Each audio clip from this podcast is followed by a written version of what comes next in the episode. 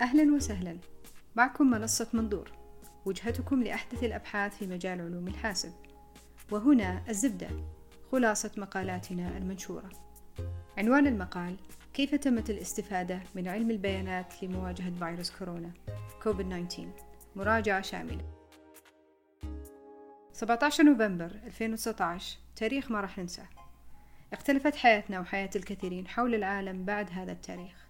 في هذا التاريخ تم توثيق أول حالة مسجلة لمرض كوفيد 19 في إقليم ووهان في الصين. من هذاك اليوم للحين وعداد الإصابات مستمر ووصلنا اليوم إلى قرابة السبعة مليون مصاب حول العالم.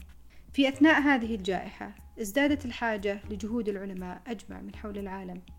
مش بس العلماء في المجال الطبي بل وحتى في مجالات علوم الحاسب وعلم البيانات. ونقدر نقول بكل ثقة وإيجابية إنه مش بس عداد الإصابات اللي قاعد يزيد بل عداد الجهود البحثية الساعية لمحاربة هذه الجائحة من زوايا مختلفة ومناظير متعددة. وإحنا في منظور نعي بشدة أهمية الدور الوطني والبطولي لعلماء البيانات والذكاء الاصطناعي في محاربة هذا الوباء. لذلك نقدم لكم ملخص هذا البحث حول الاستفادة من علم البيانات لمواجهة فيروس كورونا كوفيد 19 واللي نشوف فيه خارطة طريق لخطة وطنية لتوظيف علم البيانات والذكاء الاصطناعي في محاربة الجوائح المشابهة. المقال هذا لك يا باحث وعالم البيانات، ولك يا رائد الأعمال التقني، ولك يا صانع القرار. هذا البحث واللي كتبه 11 كاتب من جامعات مختلفة من حول العالم صنف تطبيقات علم البيانات إلى مجموعة من التطبيقات منها تقدير المخاطر وتحديد أولوية العلاج في الوقت اللي تعاني فيه الدول من الضغوط على مواردها الطبية. تقنيات تعلم الآلة كالشبكات العصبية تقدر تساهم في تقدير عدد الوفيات من المرض وبالتالي تساهم في اتخاذ القرارات اللازمة في إدارة الموارد الطبية. ومن أهم التطبيقات الفحص والتشخيص واللي يعتبر من أصعب المواضيع خصوصا إذا عرفنا أن نسبة كبيرة من المصابين ما تطلع عندهم أعراض. هذا يزيد الحاجة لتطوير أدوات التشخيص عن بعد. وكمان من التطبيقات المحاكاة والنمذجة. مثلا يمكن استخدام النماذج الرياضية لنمذجة حالات العدوى والانتشار الفيروسي. أما المحاكاة فكثير من التطبيقات استخدمت عشان يشوفون أثر القرارات المتعلقة بالحجر الصحي والتباعد الاجتماعي والقرارات الحكومية على انتشار المرض. ومن التطبيقات الشهيرة كذلك تتبع المخالطين.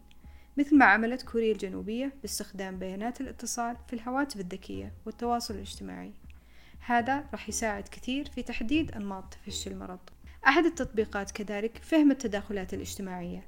مثلا علم البيانات يمكننا من رصد مدى الالتزام بالتباعد الاجتماعي عن طريق متابعة المشاركات في شبكات التواصل الاجتماعي واستخدام تقنيات اللغة لتحليلها.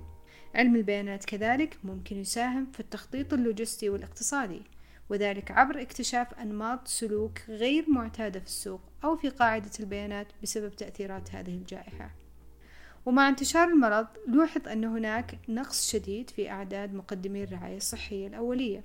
يمكن تطوير أو تحسين أدوات الرعاية الأولية الآلية باستخدام chatbots الكتابية أو الصوتية. علم البيانات كمان ممكن يساعد في دعم اكتشاف اللقاحات والعلاجات الجديدة عن طريق اختصار الوقت المستغرق في فحص البيانات. وكمان التنبؤ بهياكل البروتين والجينومات للفيروسات. كما يمكن لعلم البيانات أن يساعد في تحديد المرضى المؤهلين للتجارب السريرية الخاصة بالأدوية والعلاجات. وبالتأكيد لابد أن يكون هناك تحديات لعلم البيانات في المقابل.